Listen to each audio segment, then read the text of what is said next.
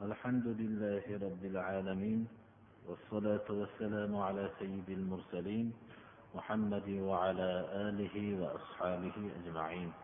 أما بعد السلام عليكم ورحمة الله.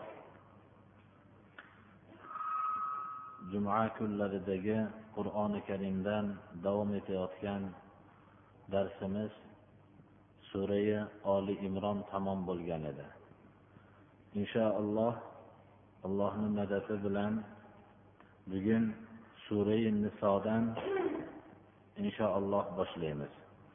Surai niso rasululloh sollallohu alayhi vasallam madinai munavvarada turganlarida nozil bo'lgan. Surai nisoning oyatlarini soni bir yuz yetmish olti oyatni tashkil qiladi. niso surasi buning ma'nosi ayollar surasi ayollar nomi bilan ataladi surai nisoda ayollarga taalluqli bo'lgan hukmlar ham o'z ichiga ko'p joylari o'z ichiga olganligi uchun bo'lsa kerak vallohu alam ayollar nomi bilan ataladi أعوذ بالله من الشيطان الرجيم يا أيها الناس اتقوا ربكم الذي خلقكم من نفس واحدة وخلق منها زوجها وبث منهما رجالا كثيرا ونساء واتقوا الله الذي تساءلون به والأرحام إن الله كان عليكم رقيبا. سورة nisoning avvalida subhanahu va taolo umum insoniyatga xitob qiladi. Xitob qilib o'zlarining hayollaridan ko'tarilgan birlamchi bir haqiqatga nazar tashlashlikka olloh buyuriydi. Ya ayyuhannas kalimasi umum insoniyatga xitobdir. Ba'zi o'rinlarda qur'oni karimda ya ayyuhallazina amanu ya'ni iymon keltirgan kishilarga xitob bor. Bu iymon keltirgan kishilarga xos bo'lgan xitoblardir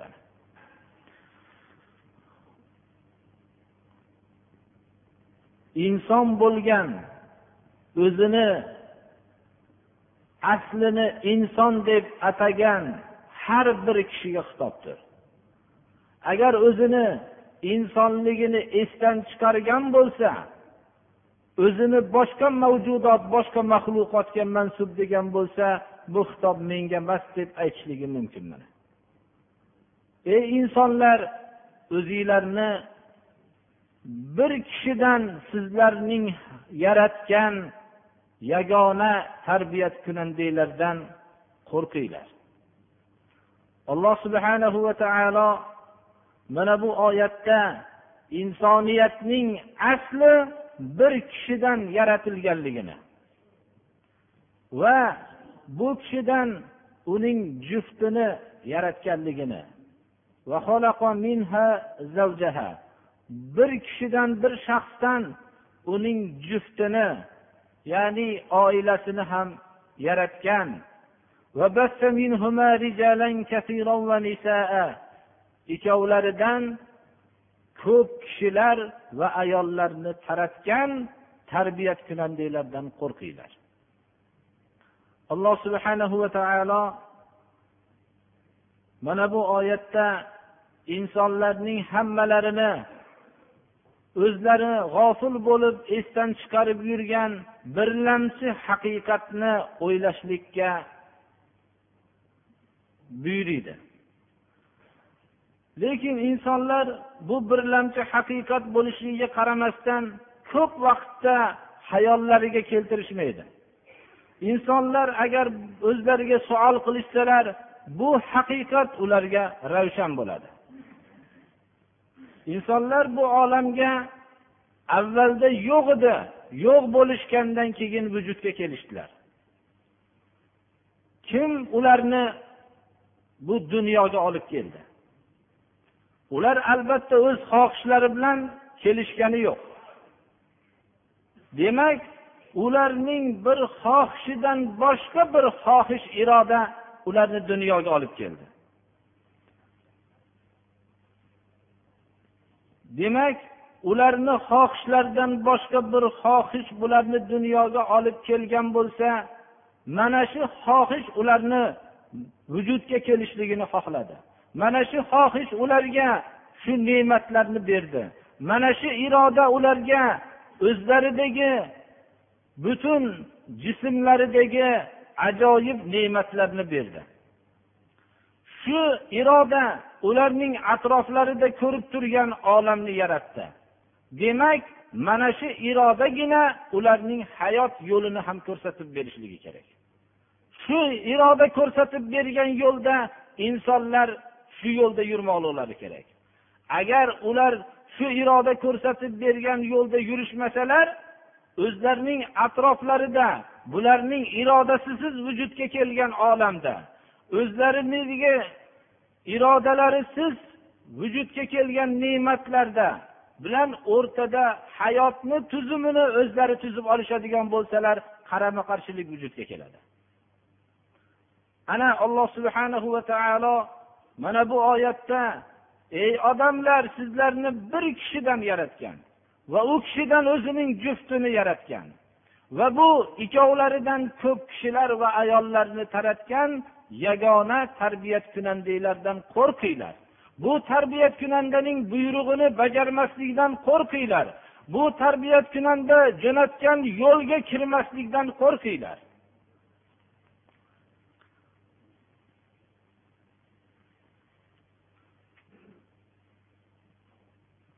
Insonlar agar shu haqiqatni tafakkur qilishsalar hozirgi davrdagi boshlaridan kechirayotgan hamma mushkulotlar yo'qolib ketgan bo'lardi.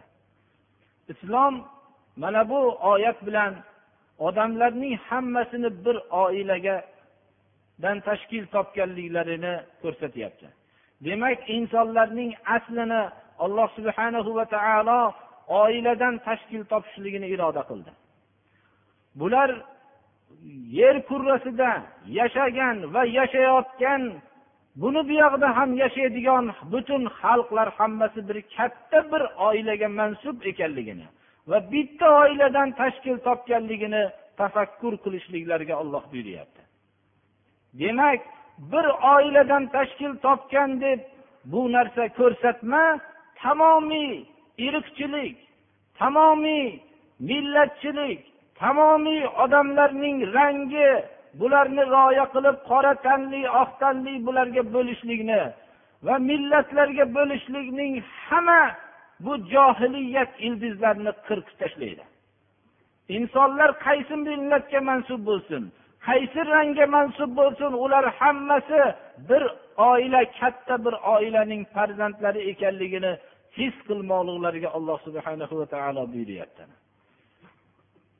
Ikkinchidan qur'oni karimda ko'p o'rinlarda avvalgi darslarimizda ham tafsir qilib o'tdik. Oilaning islomdagi juda katta e'tibori borligi qur'oni karimdan joy olishligi bunga dalolat qiladi. Oila islomda juda katta bir e'tiborlikdir. Oila katta bir jamiyat oilasining bir g'ishti deb ta'bir qilsak joiz bo'ladi demak agar oila butun bo'lmasa har bir xonadondagi tarbiya butun bo'lmasa chirigan g'ishtlardan tashkil topgan imoratdekdir bu jamiyat bu jamiyat butun irib chirib ketadigan jamiyat bo'laveradi. Hozirgi davrdagi yashayotgan jamiyatlar buning tirik guvohidir ana. Chunki asli bundan ilgarida va bo'lib kelgan bu falsafalar oila asosiga qarshi bo'lgan falsafada yashab kelgan. Shuning uchun ular o'zlarining achchiq samarasini buni terib olishyaptilar. Boshqa nizomlarda shunday malun bir falsafalar bo'ldiki ular oila insonning fikrini toraytirib qo'yadi degan fikr bilan yashagan falsafalar bo'ldi. Ana bu falsafalarni hammasini o'zlari bekor qilishyaptilar. Oila islomda juda katta e'tiborni tashkil qiladi. Hatto tamomiy jamiyatni hozirgi alloh subhanahu va taolo aslini bitta oiladan tashkil topishligini iroda qildi. Ana bu bir birlariga nisbatan bo'lgan qarama qarshiliklar millatlarning qarama qarshiliklarini alloh subhanahu va taolo qo'rqinglar o'zinglarni tarbiya kunandanglardanki yagona kishidan sizlarni yaratgan edi. Va shu yagona shaxsdan juftini yaratgan edi. Va ikkovlaridan ko'p kishilar va ko'p ayollarni taratgan edi deb alloh subhanahu va taolo mana bu birlamchi haqiqatga birlamchi haqiqatni fikrlashlikka olloh buyuryapti.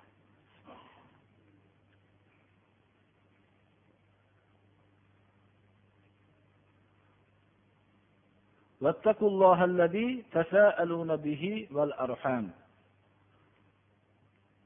ollohni vosita qilib o'rtada suol qilardinglar ya'ni xudo haqqi qarzimni bergin deb xudo haqqi buni rioya qilgin deb ollohni vosita qilib so'raysizlar muhtoj bo'lgan vaqtinglarda ana shu ollohdan qo'rqinglar val arham qarindoshlar bilan aloqalarni uzishlikdan qo'rqinglar. Alloh subhanahu va taolo mana bu oyatda qarindoshlar arham kalimasini lafzi jalolaga atf qilyaptiki sizlar o'zinglarni mushkulotinglarni hal qilishlikda ollohni vosita qilasizlar shu ollohdan qo'rqinglar.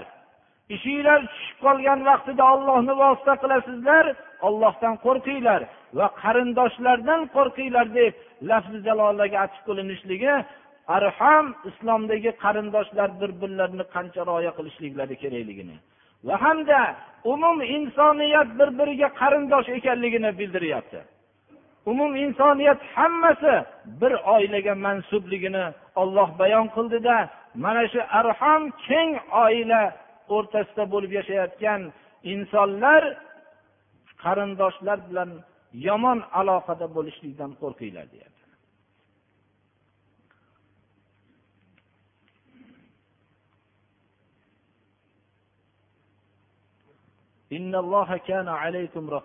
Olloh sizlarni ustinglarda nazoratchidir.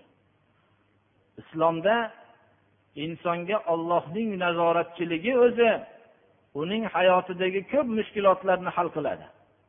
Ollohni nazorat qilib turganligini bilgandan keyin inson noto'g'ri ishlarni qilishlikdan o'zini tiyishlikka harakat qiladi. Ammo boshqa yo'llardachi ular har bir joylarda nazorat o'rnatishlari zarur. Har bir mamlakatlarda har bir viloyatlarda har bir xonadonlarda har bir kishining ustiga o'z bir dona odamga ikki nazoratchi qo'yishlikka muhtoj bo'lishyaptilar. Islomda alloh subhanahu va taoloning nazoratchiligi mo'min kishi agar iymon harovatini tatigan bo'lsa shu kifoya qiladi alloh subhanahu va taolo o'zining buyruqlarini qilishlikdan bu qilmaslikdan ehtiyot bo'lishlikka qilmaslikdan qo'rqishlikka buyurib olloh sizlarni nazorat qilib turuvchi deb ogohlantiryapti. alloh subhanahu va taoloning nazorat qilib turuvchi ekanligi bayon qilingandan keyin bu nazorat inson qalbida o'rnashgandan keyin agar ollohning nazoratini o'ylamasa hech qachon rioya qilmaydigan zaif yetimlarning zikri kelyapti ولا تتبدلوا الخبيث بالطيب ولا تأكلوا أموالهم إلى أموالكم إنه كان حوبا كبيرا yetimlarga ya'ni sizlar qo'l ostinglardagi yetimlarga mollarini beringlar rasululloh sollallohu alayhi vasallam mana ko'p hadislarda zaif kishilarni rioya qilishlikni va xususan yetimlarni tarbiya qilishlikka targ'ib qildilar Hatto men bilan yetimga qarab tarbiyalovchi qiyomat kuni yonma yon deb ko'rsatkich barmoqlari bilan o'rta barmoqlarini yonma yon qilib ko'rsatdilar. Ana shu ta'limot asosida mo'minlar zamoni saodatda yetim qolganlarning o'zlarini tarbiyalariga oldilar. Zamoni saodat alohida yetimxonalar qurishlikka muhtoj bo'lmadi. Chunki zamoni saodat insonlarning qalbiga nazoratni ollohning nazoratini o'rnatgan edi. Bu nazorat hayotdagi hamma mushkulotni hal qilishlikka kifoya qildi. Ular yetimlarni hammasini alohida yetimxonalar qurishlikka hojatlari tushmadi. Qalblaridagi ollohning ko'rib turibdi degan e'tiqodlari o'zlarining farzandlarining safiga yetimlarni olib kirishlikka majbur qildi. Ana shu yetimlarning mollarini beringlar. Qo'l ostinglardagi tarbiya topayotgan yetimlarning mollarini beringlar. Ularning pokiza mollariga nopok mollarni aralashtirib qo'ymanglar. Mabodo yetimlarga meros bo'lib qolgan yer bo'lsa yoinki biror bir jihozlardan qolgan bo'lsa shu yer va jihozlar o'zining oldida bo'lsa shu jihozlarni yetimlarga qolgan qismi yaxshi bo'lsa unga almashtirib qo'ymanglar. Moliylarni yetimlarning moliga qo'shib yemanglar. Bu yetimlarni molini yeyish katta gunohdir.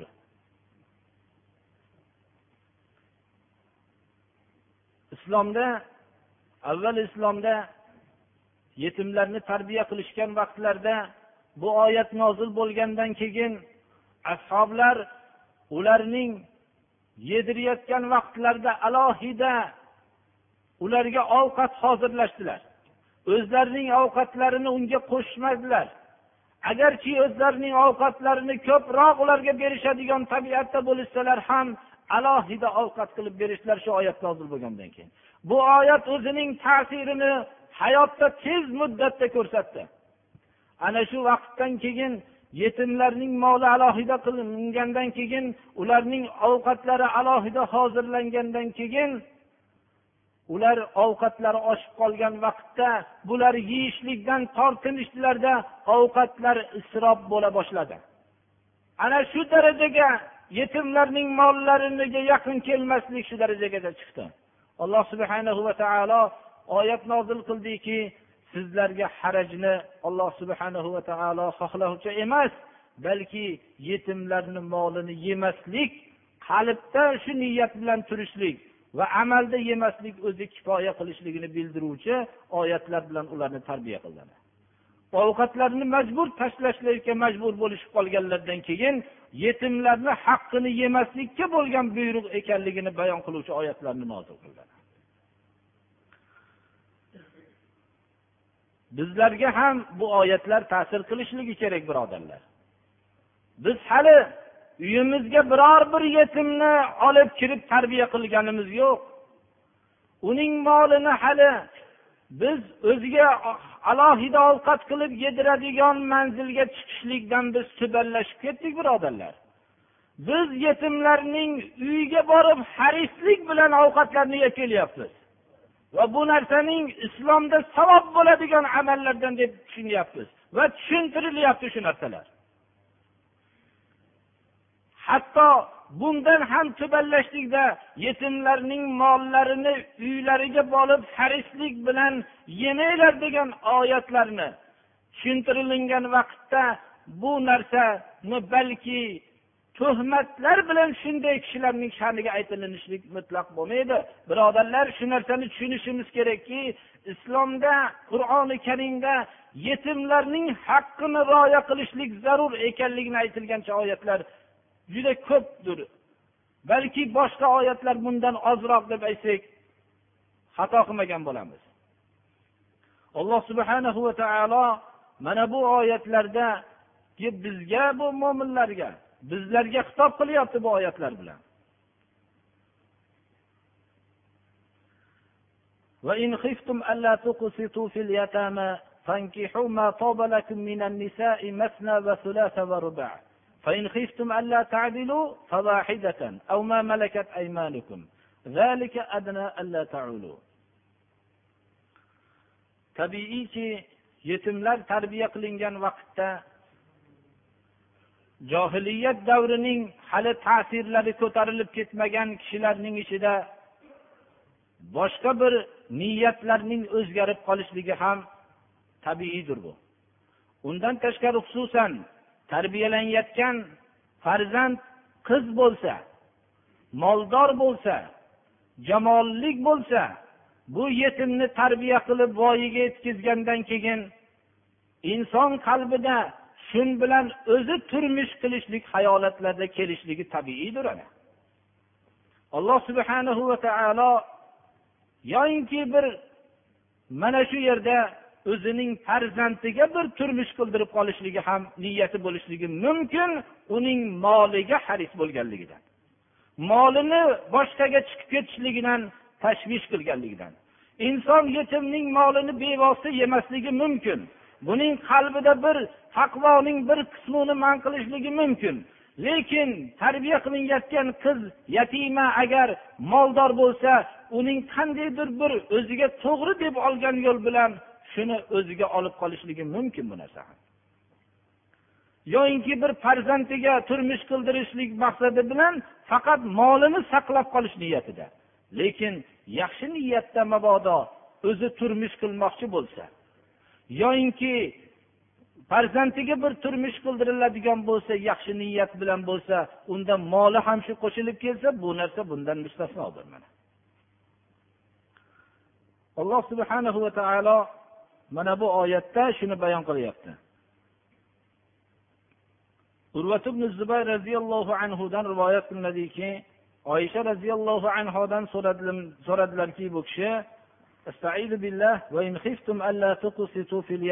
oyat kalimasi haqida hozirgi o'qilgan oyat haqida oysha siddiqa onamizdan urvat ibn zubayr roziyallohu anhu savol qildilar shunga javoban oysha onamiz shunday dedilar bu nima haqda deb so'raganlarda يا ابن أختي هذه اليتيمة تكون في حجر وليها تشركه في ماله ويعجبه مالها وجمالها فيريد وليها أن يتزوجها بغير أن يقسط في صداقها.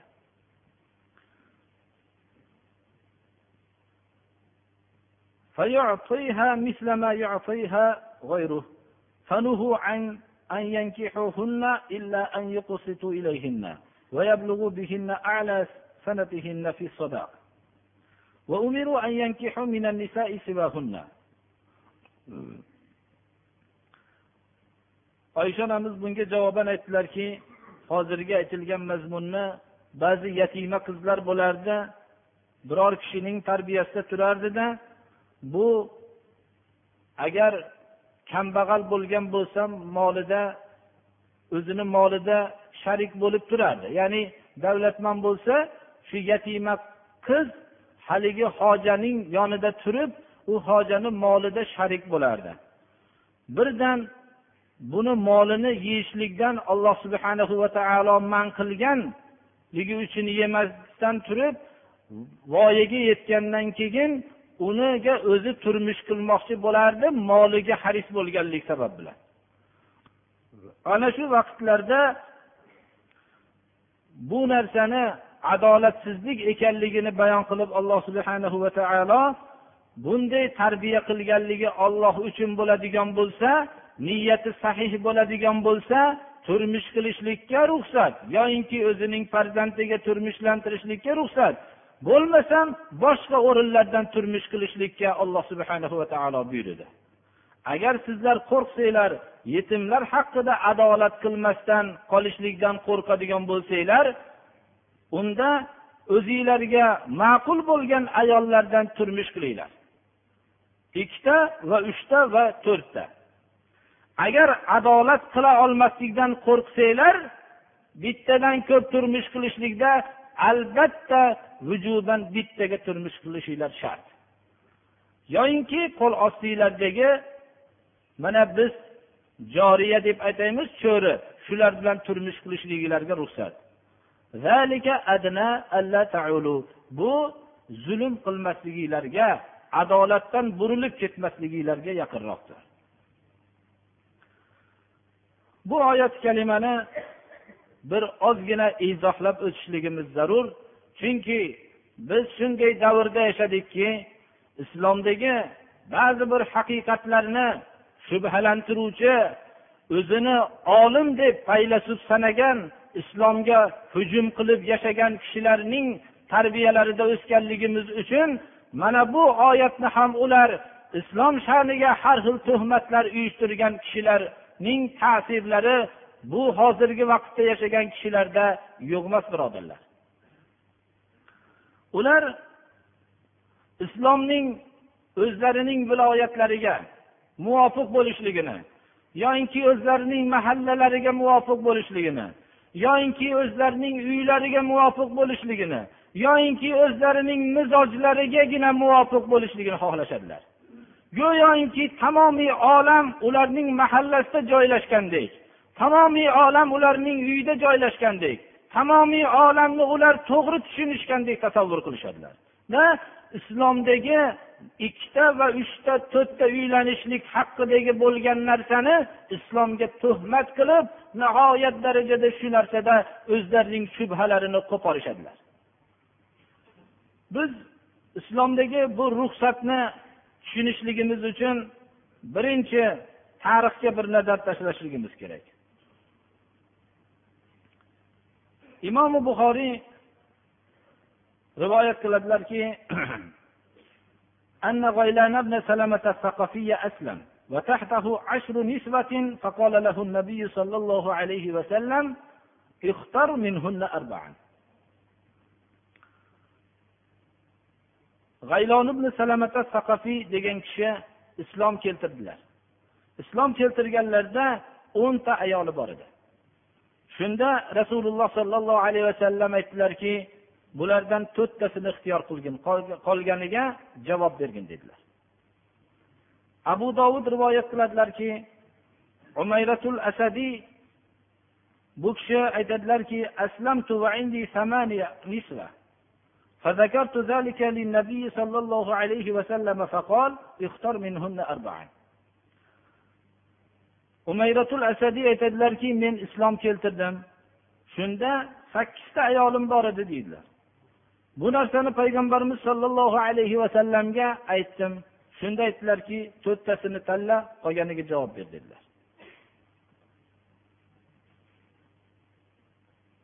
ibn abi ziyoddan eshitgan kishi bizga xabar beradilarki أخبرني عبد المجيد عن عن ابن سهل بن عبد الرحمن عن عوف بن الحارث عن نوفل بن معاوية الديلمي قال أسلمت وعندي خمس نسوة فقال لي رسول الله صلى الله عليه وسلم اختر أربعا أيته أيتهن شئت وفارق الأخرى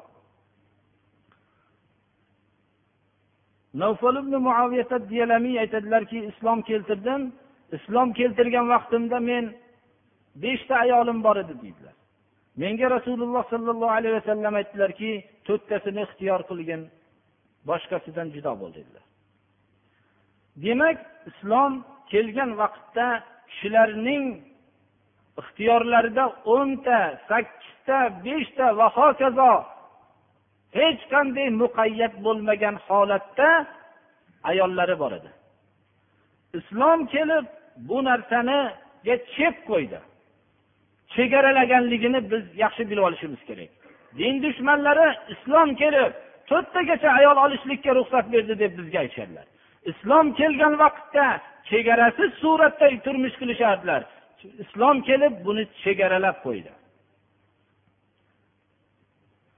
Lekin bu yerda to'rttagacha ruxsat bergan islom mutlaq qo'yib qo'ymadi. Adolatni shart qildi. Hamma sohadagi adolatni shart qildi. Lekin islom haqidagi o'ylagan kishilar nima uchun bu ruxsat bo'ldikin degan qalblarda shubha qoladi. Avvalo iymonli kishi alloh subhanahu va taolo tarafidan kelgan buyruqni ruxsatni bu narsa haqida o'ylamasdan qabul qiladi. Lekin islomga zid bo'lgan falsafalarda ulg'aygan kishilar ko'p bo'lganligi uchun ba'zi bir hikmatlarni bayon qilib o'tmoqchimiz. Ko'p jamiyatlarda o'tgan jamiyatlarda ham hozirgi jamiyatlarda ham biz shularga hamma islomning bu ruxsatiga qarshi bo'lib tushunayotgan kishilarga bir savol qilamiz. O'tgan jamiyatlarda ham hozirgi jamiyatlarda ham turmush qilishlikka salohiyatli bo'lgan ayollar bu agar turmush qilishlikka salohiyatli bo'lgan kishilardan soni ko'p bo'lgan holat bo'lsa bunda nima qilishimiz kerak? Turmush qilishlikka salohiyat salohiyatli bo'lgan ayollar soni bilan turmush qilishlikka salohiyatli bo'lgan erkaklar soni barobar bo'lgani haqida bu ruxsatdan hech kim o'zi tabiatan foydalana olmaydi. Chunki har bir ayol o'zi turmush qilishlikka salohiyatli bo'lgan erkak bu kishi bilan turmush qurib bo'lgan bo'ladi.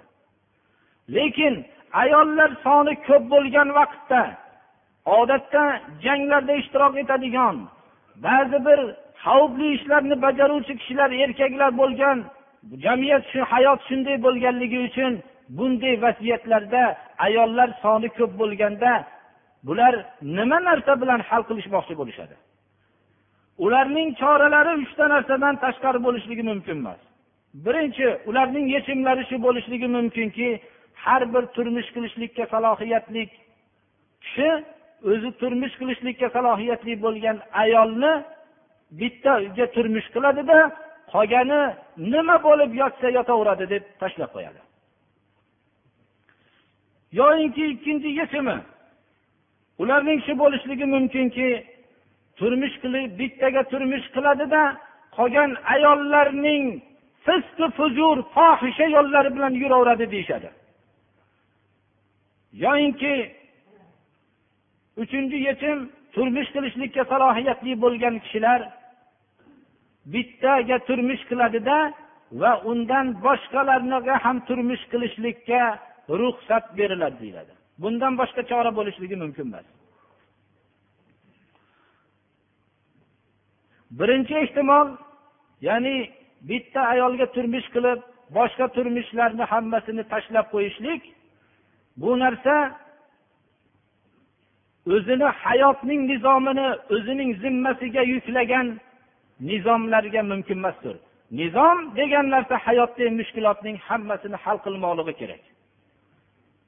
Islom bittaga turmush qilgandan keyin qolgan ayollarning nima holatda bo'lib qolishligiga hech qanday ruxsat bermaydi. Ikkinchi yechim islom bitta ayolga turmush qilgandan keyingi ayollarning fohisha yo'llari bilan qo'yib qo'yishlikka mutlaqo ruxsat bermaydi. Islom pokiza bu boshqa falsafalar boshqa nizomlardagi habislikdan pokdir islom uchinchi ixtiyor turmush qilgandan keyin bittaga ayollar soni ko'payib ketgandan keyin yana ruxsat beradi. To to'rttagacha turmush qilishlikka lekin mutlaq suratda emas adolat sharti bilan. Agar adolat qila olmaydigan bo'lsa vujuban bittaga turmush qilishlikka buyuriydi islom ana bu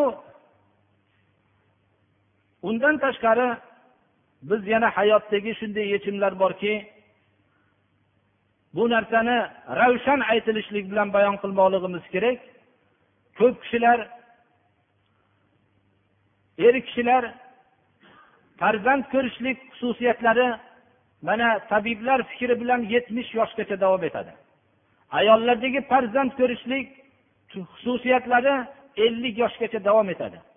Inson farzandsiz bo'lgan vaqtda shu yoshda farzand ko'rishlik imkoniyati ayol kishida yo'q bo'lgandan keyin bu boshqa turmush qilishligini qaysi bir kishi adolatsizlik deb ayta oladi? Yo adolatsizlik faqat ayollarni rioya qilgan erkaklarni mutlaq rioya qilmagan tuzumni adolat deb bilishadilar. Undan tashqari yana turmush qilishlikni sabablari shu bo'lishligi mumkinki o'zlarining shar'iy vazifalarida kasallik sababli biror bir kasallik sababli ayollar o'zlarining vazifalarini o'ta olmagan vaqtda qaysi bir kishi ayta oladiki erkak kishilarning sen o'zingni shu hayotga rozi bo'lib yurishliging adolat deb. Undan tashqari yana bu yerda shunday holatlar bo'lishligi mumkinki farzand ko'rmagan holatlar bo'lishligi mumkin. Farzand ko'rmagan holatlarda ayollar o'zlari biror bir farzand ko'rmaslik holati ma'lum bo'lgandan keyin er kishini boshqa bir yana bitta ayolga uylanishligini hech kim buni adolatsizlik demaydi. Hatto shu ayolni o'zidan ham so'ralsa bu ayol farzand bo'lishligini boshqa oiladan farzand bo'lib uning o'zini turmush o'rtog'ining farzandi bo'lgandan keyin shular bilan birga yashashligini o'zi ham orzu qiladi. Shu narsani mustasno suratda ba'zi ayollar xohlamasligi mumkin. Bu vaqtda shariati islomiy bu hayotga rozi bo'lmagandan keyin judolikni mana tuzib qo'ygandir lekin er kishining farzandsiz bo'lib yashashligiga islom hech qachon majbur qilmaydi u narsani. Va shunday ikkita turmush bilan yashayotgan vaqtda ayol chiday olmasa bunga ayolga nisbatan sen birga yashaysan deb majbur qilmaydi. O'rtada taloq hukmini mana joriy qilib qo'ygan. Xullas lekin biz shu narsani bilishimiz kerakki islomdagi berilgan bu ruxsat bizning diyorimizga to'g'ri kelmasa boshqa diyorga to'g'ri kelmasligi bilan yo bizning davrimizga to'g'ri kelmasligi bilan bunday bo'lib qolmasligi kerak. Bu qiyomatgacha bo'lgan ahkomni o'z ichiga oladi.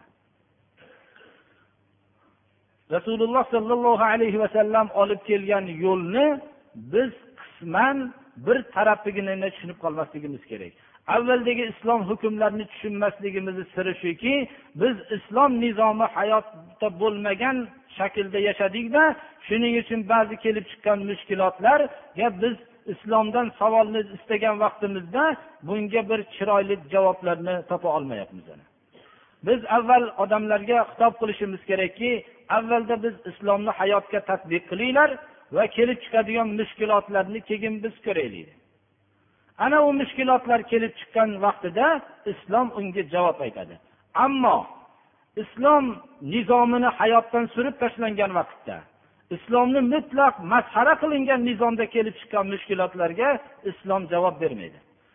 Shuni ham aytib o'tishimiz kerakki bu islom bergan ruxsatni ba'zi kishilar tarafidan suiiste'mol qilinsa o'zining shahvoniy nafsini qondirishlik uchun islomning ruxsatidan foydalangan bo'lsa bundagi adolatsizlik qilayotgan bo'lsa bunga islom javob bermaydi.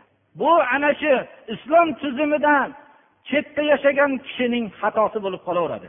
Islom bu ruxsatni odamlar hiyla qilishlik uchun berilgan emas bu narsani. Adolatni qattiq shart qilgan hatto adolat qila olmasanglar bittaga turmush qilishinglar vojib deyapti yoyinki mamalakat aymanukumni ma'nosi bunda biz avvalgi darslarimizda to'xtab o'tganmiz alloh subhanahu va taolo mana islomning oliy bo'lishligi uchun kufrni mag'lub bo'lishligi uchun islom jihodni farz qildi mana. Jihod farz bo'lib qiyomat kunigacha davom etadi. Mana bu islom janglarida mo'mina ayollar kofirlarning qo'liga tushib qolsa uni nima qilishsa qiladi? Ularda insoniy xususiyati bo'lmaganligi uchun ularning qanday darajada xorlashsa xorlashadi? Ammo kofira mushrika ayollar islom qo'liga tushgan vaqtida ularning e, islom ruxsat berdiki g'animatlariga tushgan kishilar bular bilan birga turmush qilishlikka ya'ni nikohsiz bular bilan bog'lanishlikka ruxsat berdi. Chunki kofira ayollar bularni biror bir kishi o'zining qaramog'ida ushlab turmasa ular dinsiz bo'lganligi sababli musulmon ayollar o'rtasida fohisha ishlarni tarqatib yuborishligi mumkin. Shuning uchun islom bir kishining qaramog'iga topshirdida va shu kishining bilan birga bu jinsiy aloqada bo'lishlikka islom ruxsat berdi mana.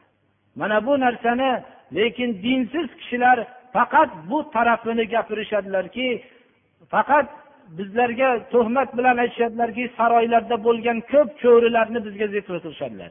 Islom jihodi bilan bo'lgan cho'rilarni islom mamlakat aymanukum deydi. U saroylarda bo'lgan kaniza ko'rilarni ularni islom tanimaydi. Ularni qilgan kishilarning xatosi hisoblanadi. Uni islomga hech qanday kishi tuhmat bilan yopishtirishlikka haqqi yo'qdir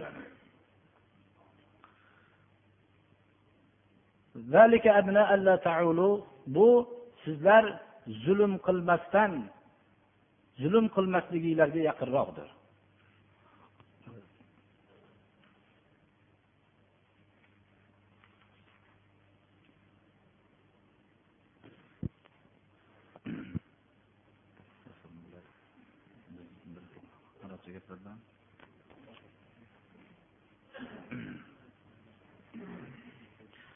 Hozir bizni masjidimizga masjidi jomiya madrasamizga bu shayx muhammad rizo murod hazratlari tashrif buyurganlar.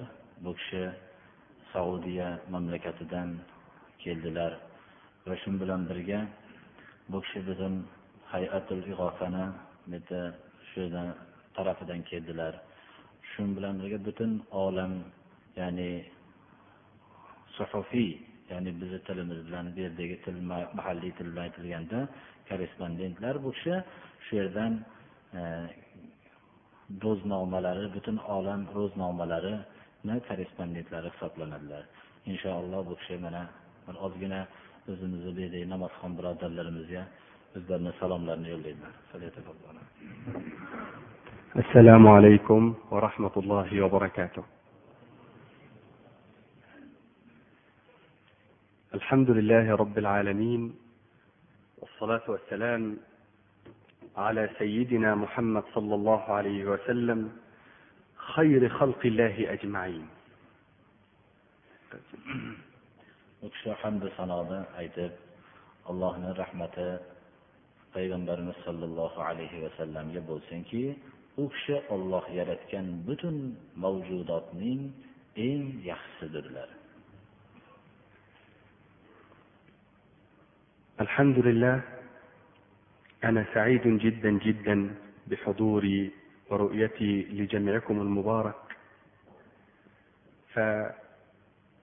فأهلنا جميعا أهلنا العرب المسلمون أرسلوني نيابة عن جريدة المسلمون العالمية وهيئة الإغاثة الإسلامية. وقالوا لي اذهب وأتي لنا بحقائق المسلمين هناك فأنتم خاصة لكم مكانة كبيرة عندنا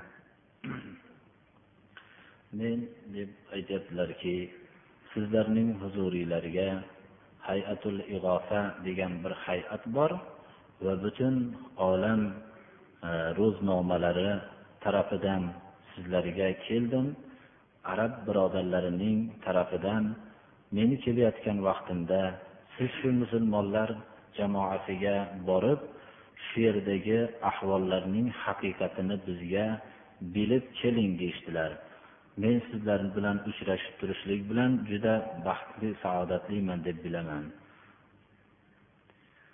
وأنتم تحت الاضطهاد الشيوعي كنا نبكي من أجلكم كثيرا وكان الشيء الوحيد الذي نستطيع أن نفعله هو أننا نجلس في الكعبة وندعو الله لكم وقلوبنا تبكي معنا biz sizlarning shuyuiy dinsiz bir hukumat ostida turganinglarni bilardik sizlarning shu ahvolda qanday ahvolda turishinglarni qisman bir og'ir ahvolda egilaringlarni bilardik lekin bizdagi imkoniyat bori shu ediki kabai muazzamaning oldida o'tirib sizlarning haqqinglarga yig'lab duo qilishlikdan boshqa choramiz yo'q edi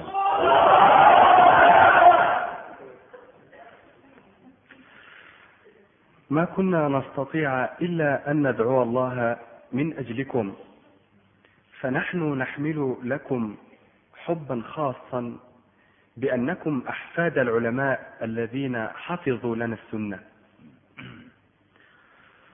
biz shu yerda duo qilardik va sizlarni biz tanardikki eng hadis ilmining ustozlari bo'lgan zotlarning avlodlari deb وعندما أتيت إلى بلادكم فرحت كثيرا عندما رأيت المساجد ممتلئة بالناس. وكان مشايخنا يقولون لنا أكثروا في الدعاء فستعود هذه البلاد على خير أكثر ممن كانت عليه أول مرة. Men sizlarning viloyatinglarga kelgan vaqtda nihoyatda meni xursandlik oldiki masjidlarning namozxonlar bilan to'la bo'lib turishligini ko'rishligim va bizlarga ustozlarimiz aytardilarki bu musulmonlarni ya'ni bizni diyordagi musulmonlarni duo qilinglarki deb aytishardilar inshaalloh avvalgi holatidan ko'ra yaxshiroq holatga qaytadi deyishardilar وبفضل الله سبحانه وتعالى أوصوني أن أقول لكم أننا جميعا نكون دعاة إلى الله. فنحن عندما نكون دعاة إلى الله الله ينصرنا على أعدائنا لأننا سندعوهم من الضلالة إلى الهداية. منجا امكانيات بري لركي سيزلرغا شو سوزنا ايتشليغمغا biz hammamiz ollohni yo'liga da'vat qiluvchi kishilar bo'lmoqligimiz kerak. Ollohni yo'liga da'vat qiladigan bo'lsak bizlarga alloh subhanahu va taolo yordam beradi va o'zimizning avvalgi g'alabamiz qaytib keladi الدنيا نحن جميعا متفقون أنها فانية والآخرة هي الباقية ولكننا إذا نظرنا في أحوالنا نجد أننا نتصارع على الدنيا فيجب علينا ألا نتصارع على الدنيا الفانية بل نتصارع على الآخرة الباقية hammamiz ham ittifoq qilamizki biror kishi bir shubha qilmaydiki bu dunyoning foniy ekanligida va mo'minlargina ittifoq qilishadilar oxiratning abadiy ekanligida. Bunda farqlik bo'lsak ham ammo dunyo ketuvchi ekanligida dindoru dinsiz hammasi bunda shubha qilmaydi. Lekin bizning ahvolimiz shu o'tkinchi dunyo ustida janjal qilmoqdamiz talashyapmiz biz bu janjalni ya'ni kurash qilmoqdamiz. Biz bu kurashni oxirat amallarida qilmoqligimiz kerak الدنيا أهلكت الذين يحبونها والآخرة أي الجنة أسعدت الذين يحبونها dunyo o'zini yaxshi ko'rganlarni halok qildi oxirat ya'ni jannat o'zini yaxshi ko'rganlarni saodatmand qildi والحمد لله رب العالمين.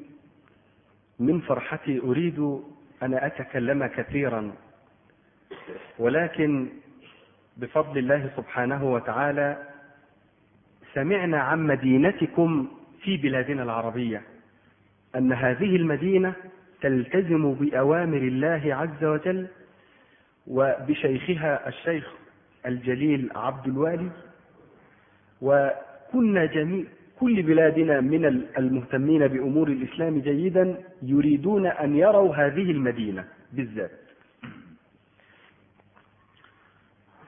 men bu yerga kelgan vaqtimda xususan aytib o'tyaptilarki shu sizlarning viloyatinglarni xususan mana shu yerni ko'rishlikka juda mushtoq kishilarimiz ko'p xususan biz aytyaptilarki bu yerdagi bizni gapirib o'tyaptilarki shu kishini bir ko'rishlikni orzu qilamiz va shu yerdagi bo'layotgan e, andijon viloyatidagi masjidni ollohni buyrug'ini ushlab turadigan masjid deb tan olishadilar shu yerda demoqdalar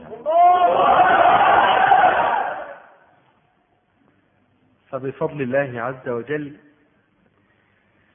أذكركم بآيات من آيات الله عز وجل تذكرنا بلقاء الآخرة ولقاء الله عز وجل. الحق تبارك وتعالى يقول في القرآن الكريم بعد أعوذ بالله من الشيطان الرجيم بسم الله الرحمن الرحيم. طه ما أنزلنا عليك القرآن لتشقى إلا تذكرة لمن يخشى تنزيلا ممن خلق الأرض والسماوات العلا الرحمن على العرش استوى له ما في السماوات وما في الأرض وما بينهما وما تحت الثرى. وإن تجهر بالقول فإنه يعلم السر وأخفى. الله لا إله إلا هو. لا إله إلا هو له الأسماء الحسنى صدق الله العظيم والسلام عليكم ورحمة الله وبركاته men shu hozirgi soatda sizlarga ollohning oyatlaridan bir necha oyatni esinglarga solmoqchimanki bu oyatni eslashlik ollohni ga ro'baru bo'lishlikni eslatadi Oxiratga borishlikni eslatadi deb sura tohoning avvaldan o'qildilarki mana bu oyatda insonlar qur'oni karimni alloh taolo nozil qilganligini nozil qilishligi odamlarni qiynalishligi uchun emas sizga qur'onni nozil qildik baxtsiz bo'lishligingiz uchun nozil qilganimiz yo'q sizni baxt saodatli bo'lishligingiz uchun. Bu parvardigorni doim esda turib shu narsalarni bilib oxiratga ro'baru bo'lishlikni esda tutishligingiz uchun bir nozil qildik deb davomiy oyatlarni allohni qudratlariga dalolat qiluvchi mazmunlardagi bu oyatni o'qidilar. Mana endi bu yerdan shu ma'lum bo'ladiki bu kishini maqsadlari allohu alam shu bo'lsa kerakki qur'on bilan baxtsiz bo'lib qolmasligimiz kerak birodarlar. Qur'onni bizga alloh taolo baxt saodat uchun nozil qiluvdi. Ana qur'onni agar buyruqlariga bo'ysunsak baxt saodatli bo'lamiz. Qur'onni buyruqlarini qilmasak bizni ustimizda hujjat barpo bo'ldida u boshqa millatlarga o'xshagan biz islomni bilmagan millatlar emasmiz biz. Musulmonmiz shuning uchun mana shu qur'onni biz buyruqlariga bo'ysunishlik bilan biz baxt saodatli bo'lmoqligimiz kerak alloh subhanahu va taolo.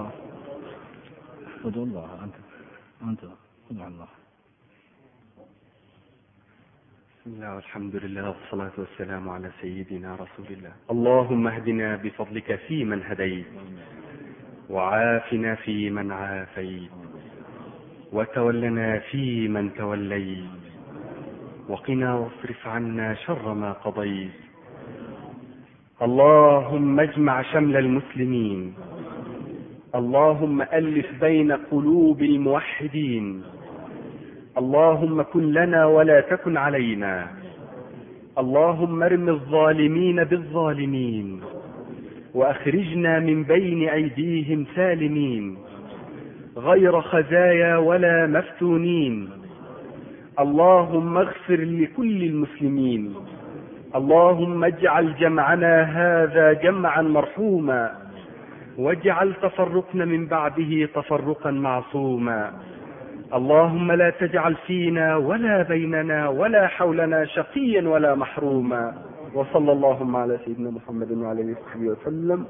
وآخر دعوانا الحمد لله رب العالمين. الله سبحانه وتعالى مهما عزيز نعم الله تعالى. قدم لرجال الله اجر عظيم برسن. بزلنا دين مزغ من يدي يوم كشلاد وانقلسن نعم اللهم تقبل منا إنك أنت السميع اللهم أحسن عاقبتنا في الأمور كلها وأهدنا من الدنيا وعذاب الآخرة. اللهم أعنا على ذكرك وشكرك. اللهم إنا نعوذ بك من الكفر والفقر والجبن والكسل ومن فتنة المحيا ومن فتنة الممات ومن فتنة المسيح الدجال ومن فتنة عذاب القبر والمرد إلى أرض الغنم اللهم ألف بين قلوب المؤمنين في المشارق والمغارب واجمع كلمتهم. اللهم عليك أعداءك أعداء هذا الدين. صلى الله تعالى على خير خلقه محمد وآله وأصحابه. الله بالله من الشيطان الرجيم. بسم الله الرحمن الرحيم. اعلموا أنما الحياة الدنيا لعب ولهو وزينة ولهو وزينة وتفاخر بينكم وتكاثر وتفاخر بينكم وتكاثر في الأموال والأولاد كمثل غيث أعجب الكفار نباته ثم يهيج فتراه مصفرا. ثم يهيج فتراه مصفرا ثم يكون حطاما. وفي الآخرة عذاب شديد ومغفرة من الله ورضوان. وما الحياة الدنيا إلا متاع الغرور.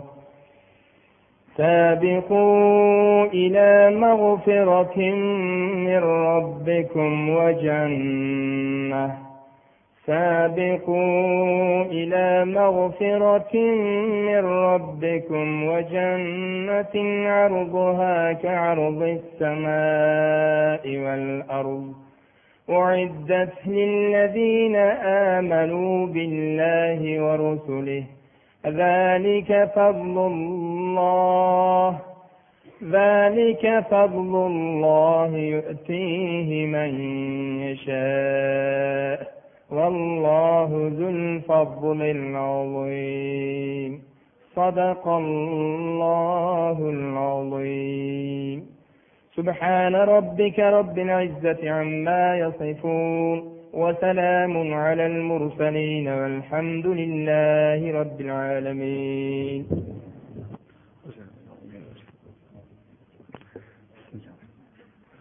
اللهم اهدنا بفضلك فيمن هديت. وعافنا فيمن عافيت وتولنا فيمن توليت وقنا واصرف عنا شر ما قضيت. اللهم أرنا الحق حقا وارزقنا اتباعه وأرنا الباطل باطلا وارزقنا اجتنابه. اللهم اجعلنا مع الصديقين والصالحين. اللهم اشرح صدورنا يا رب العالمين. اللهم إنا نسألك الهدى والتقى والعفاف والغنى. اللهم إنا نسألك الهدى والتقى والعفاف والغنى. اللهم اجعل جمعنا هذا جمعا مرحوما وتفرقنا من بعده تفرقا معصوما. اللهم لا تجعل فينا ولا بيننا ولا حولنا شقيا ولا محروما. اللهم انزل رحماتك وبركاتك وخيراتك على أهل هذه البلاد وسائر بلاد المسلمين. اللهم حببهم في بعضهم. اللهم ألف بين قلوبهم. اللهم انزع الغل من صدورهم. اللهم إنا نسألك أن تجعلنا من المؤمنين الموحدين يا رب العالمين. صلى الله على سيدنا محمد وعلى آله وصحبه وسلم. سبحان ربك رب العزة عما يصفون وسلام على المرسلين. والحمد لله رب العالمين. يا أرحم الراحمين. Sizlar shuni biz aytib qo'ymoqchimiz mana rasululloh sollallohu alayhi vasallamni bu tavallud topgan kunlari ba'zi nimalarda to'qqizinchi rabiul avvalda hisoblanadi ba'zilar o'n ikkinchi kun deyishadilar ertaga o'n ikkinchi rabiul avval inshaalloh peshin namozidan keyin bir bu yerda bir hafla bir jamoa to'planib shu yerda payg'ambarimiz sollallohu alayhi vasallamni hayotlari bolalik vaqtlari haqida ba'zi bir aviza bo'ladi. Bolalarga bularga hammalariga shu kunni tushuntirib ularni payg'ambarimiz tug'ilgan kunlar bilan tanishtirib o'rgatmoqligimiz kerak. Alloh subhanahu va taolo hammamizni gunohlarimizni mag'firat qilsin ibodatlarimizni qabul qilsin mehmonlarimizni alloh qadamlariga hasanatlar bersin. Islom xizmatida yurgan kishilarning alloh taolo ishlariga muvaffaqiyat ato qilsin.